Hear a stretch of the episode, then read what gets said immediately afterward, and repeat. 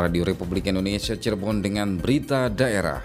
Sejak ada COVID itu omset tuh menurun sekitar 75 persenan lah. Ya mau gimana lagi kalau nggak jualannya anak istri nggak makan di alun-alun keraton Kasepuan itu ada yang namanya pedagang musiman. Di situ biasanya dipadati oleh pedagang selama satu bulan dan pada saat ini tahun ini kita tiadakan.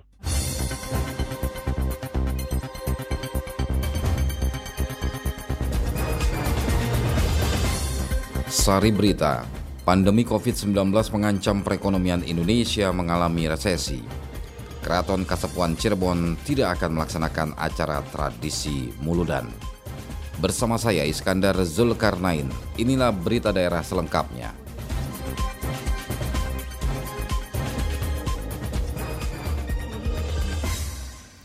Pandemi COVID-19 mengancam perekonomian Indonesia mengalami resesi. Hingga saat ini, pandemi COVID-19 yang melanda Indonesia membuat perekonomian kacau, bahkan beberapa kalangan memprediksi Indonesia akan mengalami resesi. Perekonomian skala kecil mengalami dampak yang parah karena daya beli masyarakat menurun. Abdul, pedagang keliling makanan kecil yang sehari-hari berjualan di kota Cirebon, mengaku berjualan di era pandemi COVID-19 saat ini berbeda jauh dari sebelumnya. Saat ini serba susah dan harus tambal sulam dengan cara berhutang untuk memenuhi kebutuhan hidup sehari-hari. Semenjak ada COVID itu omset tuh menurun sekitar 75 persenan lah. Ya mau gimana lagi kalau nggak jualannya anak istri nggak makan.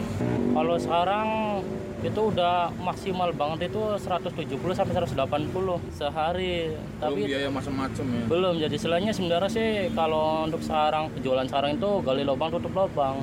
Jadi ya yang penting bisa untuk makan hari ini dan esok lah. Hal serupa juga diungkapkan Nani penjual nasi di wilayah kota Cirebon. Menurutnya jualan di era pandemi COVID-19 semua dikurangi karena para pembeli pun sepi dan pendapatan menurun. Menurun jauh pendapatannya loh jauh. Biasanya misalkan ya dapat segini gitu jadinya hmm, turun. susah. Biasanya misalkan bikin macam-macam sih tetap cuman turun. Ah, misalkan satu kilo jadi setengah gitu kadang tiga perempat turun. Nasi turun drastis nasi biasa tiga kilo empat kilo cuman satu kilo setengah bagaimana sih ya harapannya sih biar cepet selesai covidnya ya biar normal lagi. Ketua HIPMI Kota Cirebon Reza Mansur mengatakan di era pandemi COVID-19 saat ini perekonomian tengah terguncang dan semua kalangan masyarakat baik itu pengusaha besar maupun kecil harus bisa berinovasi untuk bertahan hidup. Harus lebih banyak cari inovasi untuk kalau untuk yang memang anak-anak muda yang memang kalau khususnya kami di Indonesia kan harus lebih berinovasi lagi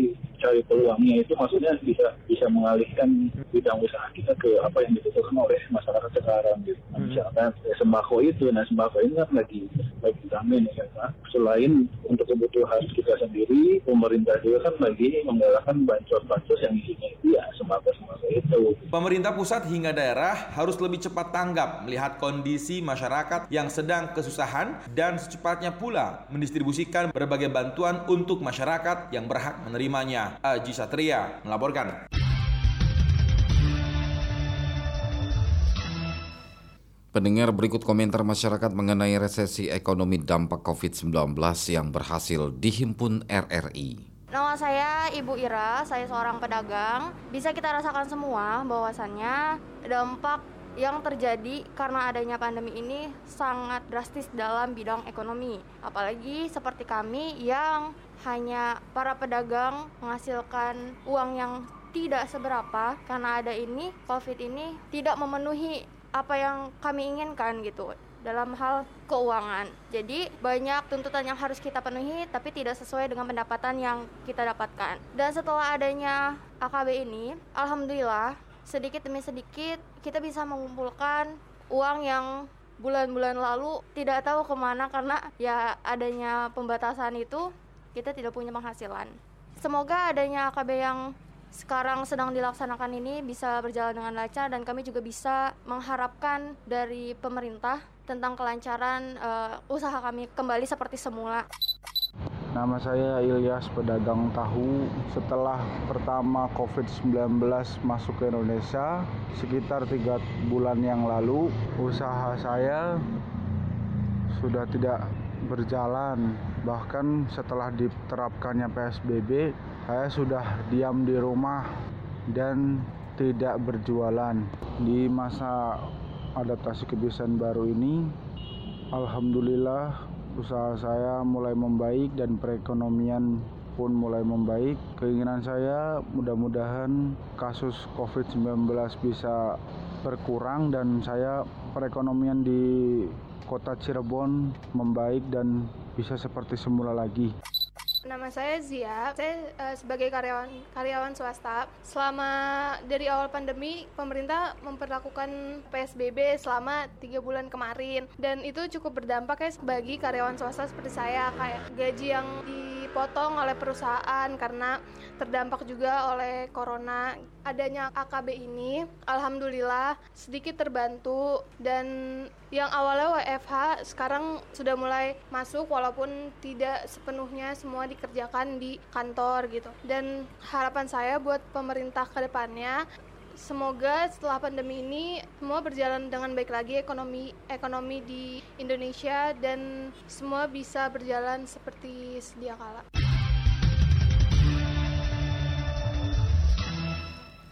Untuk membahas lebih lanjut mengenai resesi ekonomi dampak COVID-19, kita ikuti wawancara reporter Alex Sunardi dengan pengamat ekonomi Cirebon Ayus Ahmad Yusuf. Pak Ayus, terkait pandemi COVID-19 ini kan dari hari ke hari justru kasusnya semakin meningkat dan ini dampaknya sangat terasa mungkin terutama bagi perekonomian. Bahkan diprediksi bahwa Indonesia akan menghadapi resesi ekonomi. Pak Ayus sendiri bagaimana mungkin menilainya? Kalau saya sebagai orang ekonomi, tentunya kan yang diperhatikan itu kan indikator-indikator makroekonomi ya. Kalau melihat dari indikator makroekonomik ini, yang pertama dilihat dari sisi pertumbuhan ekonomi. Ini utama kemajuan suatu negara dalam bidang ekonomi ya. Nah, pertumbuhan ekonomi kita itu sekarang per September kemarin itu minus 5,3 persen. Apa konsekuensinya ketika pertumbuhan ekonomi turun 5,3 persen? Melihat dari standar Bank Dunia, satu persen pertumbuhan ekonomi itu kan sama dengan merekrut tenaga kerja baru sebanyak 300 ribu. Ketika tahun 2019 saja target 5,8 atau 5,9 hanya terpenuhi 5,2 itu hanya merekrut 1 1,5 juta orang. Sisanya 6 juta orang pengangguran. Itu kalau trennya plus ya. Nah sekarang boro-boro plus, ini minus 5,3. Artinya saat normal saja tidak terkejar, sekarang yang sudah bekerja itu sekarang menjadi pengangguran dengan turunnya pertumbuhan ekonomi 5,3 persen. Bisa dibayangkan kurang lebih ada tambahan 5 sampai 4 juta pengangguran baru di saat COVID sekarang ini. Itu indikator yang pertama, dilihat dari angka pertumbuhan ekonomi. Terus yang kedua, dilihat dari angka pengangguran. Sekarang tren angka pengangguran juga menaik dengan situasi begini dari hitungan kasat mata dari pertumbuhan ekonomi aja kurang lebih 3 sampai 4 juta. Belum yang dirumahkan setengah dirumahkan. Terus angka kemiskinan juga kalau 2019 itu kurang lebih data 27,5 juta orang pengangguran. Nah, 2020 ini kemungkinan bisa tembus kurang lebih sampai dengan 35 sampai 40 juta orang dengan situasi sekarang. Anggaran belanja negara APBN juga defisit sekarang karena sumber pendapatan negara yang utamanya dari pajak sekarang kan menurun. Sementara beban pengeluaran pengeluaran dengan adanya COVID khusus untuk alokasi penanggulangan COVID ini kan sangat besar ya dialokasikan ke sana. Ketika menghadapi situasi seperti ini, mungkin apa yang harus dilakukan pemerintah agar paling tidak bisa membuat ekonomi ini bisa tetap stabil, Pak? Kalau melihat dari indikator lain ya, misalkan stabilitas ekonomi atau stabilitas harga. Nah, kalau melihat data sekarang, dari tahun 2019, angka inflasi itu sebetulnya trennya turun, ya kenaikan harga itu turun. Nah, kalau melihat dari indikator makroekonomik, mestinya senang dengan penurunan harga itu. Cuman ini kok terus melandai gitu. Ini kan ada gejala deflasi, ada kecenderungan penurunan harga barang secara terus menerus. Kalau secara umum oke senang nih konsumen. Tetapi kalau kita analisis secara komprehensif, ternyata penurunan inflasi itu ada kemungkinan karena disebabkan oleh daya beli masyarakat yang turun. Artinya permintaan masyarakat terhadap komoditi berupa barang dan jasa turun. Di sektor pendidikan juga sama sekarang banyak mahasiswa yang tidak melanjutkan perkuliahan karena daya beli untuk masuk kuliah juga mengalami penurunan. Ini kondisi salah satu gejala resesi kan begitu. Yang dimaksud dengan resesi ekonomik itu dua-duanya lumpuh. Sisi permintaan lumpuh, daya beli masyarakat tidak mampu membeli barang dan jasa, sisi produsen tidak mampu memproduksi barang dan jasa. Itu adalah resesi. Nah ini gejalanya saya melihat ini kalau dibiarkan bisa terjadi double side ini antara demand sama supply lumpuh dan ini kalau dibiarkan bisa mengalami krisis ekonomi. Apa yang ingin Pak Ayus sampaikan terkait perekonomian saat ini ya minimalnya tidak sampai boleh masuk ke dalam resesi ekonomi, terutama kepada hmm. masyarakat agar lebih siap barangkali hal ini memang ke depannya bisa terjadi mungkin Pak. Jadi harapan saya ini sebetulnya yang pertama pemerintah itu di dalam mengelola situasi seperti ini memiliki sejenis koordinasi yang sama di dalam menyelesaikan masalah pandemik ini dari pusat sampai ke daerah itu satu tujuan yang sama. Artinya koordinasinya baiklah. Terus juga prioritas penggunaan anggaran karena memang sekarang krisis ini terjadi karena faktor kesehatan, maka memang kesehatan menjadi prioritas pertama untuk diselesaikan dulu persoalan kesehatan ini. Dan yang ketiga, aktivitas ekonomi sekarang bisa jalan. Kita kalau berharap dari sektor industri tidak mungkin. Nah, yang paling memungkinkan sekarang bisa jalan adalah sektor UMKM dan sektor informal. Masyarakat kecil inilah sebetulnya penopang masih adanya aktivitas ekonomi. Jadi, saran saya sebetulnya selamatkanlah masyarakat bawah ini UMKM dan sektor-sektor informal dan satu lagi jagalah kaum petani supaya tetap mau memproduksi kebutuhan pangan kita supaya ada ketahanan pangan.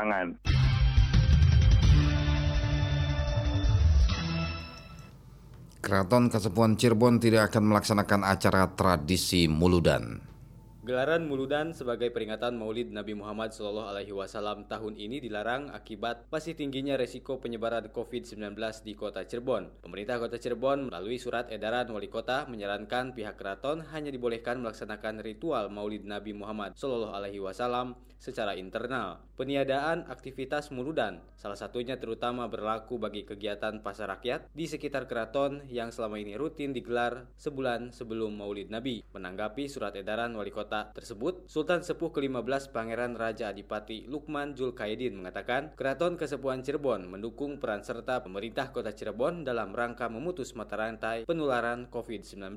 Atas dukungannya itu, maka mengeluarkan maklumat di antaranya rangkaian acara yang memicu kumpulan orang tidak dilaksanakan. Di antaranya adalah tentunya biasanya itu di alun-alun Keraton Kesepuhan itu ada yang namanya pedagang musiman. Ya. Di mana di alun-alun situ biasanya biasanya dipadati oleh pedagang selama satu bulan. Dan pada saat ini tahun ini kita tiadakan.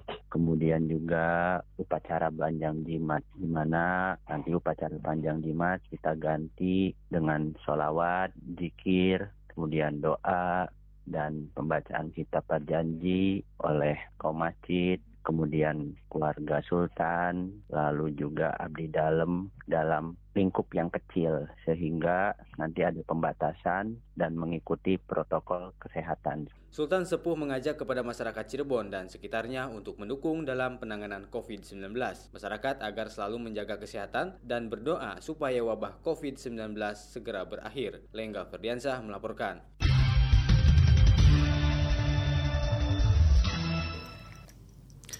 Pecandu narkoba perlu didampingi bukan dipenjarakan.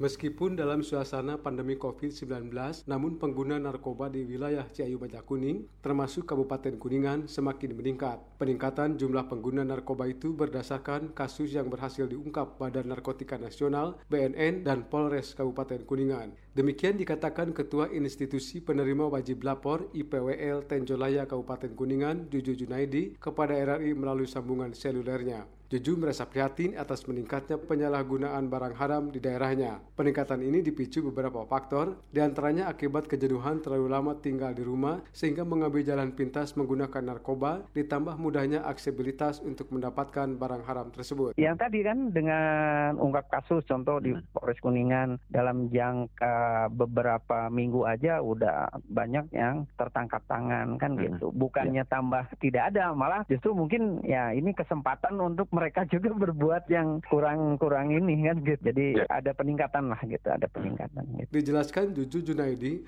berdasarkan Undang-Undang Nomor 35 Tahun 2009, penyalahguna narkoba terbagi atas kelompok pengedar dan pecandu atau korban. Bagi pengedar tidak berhak mendapatkan pendampingan, sedangkan pecandu sangat dianjurkan. Pendampingan kepada korban narkoba menjadi tugas IPWL agar pecandu bisa sembuh dan tidak ketergantungan kembali kepada narkoba. Pecandu narkoba merupakan bagian dari aset dan harapan bangsa sehingga harus dilindungi agar masa depannya tidak rusak akibat narkoba. Cecer mana melaporkan.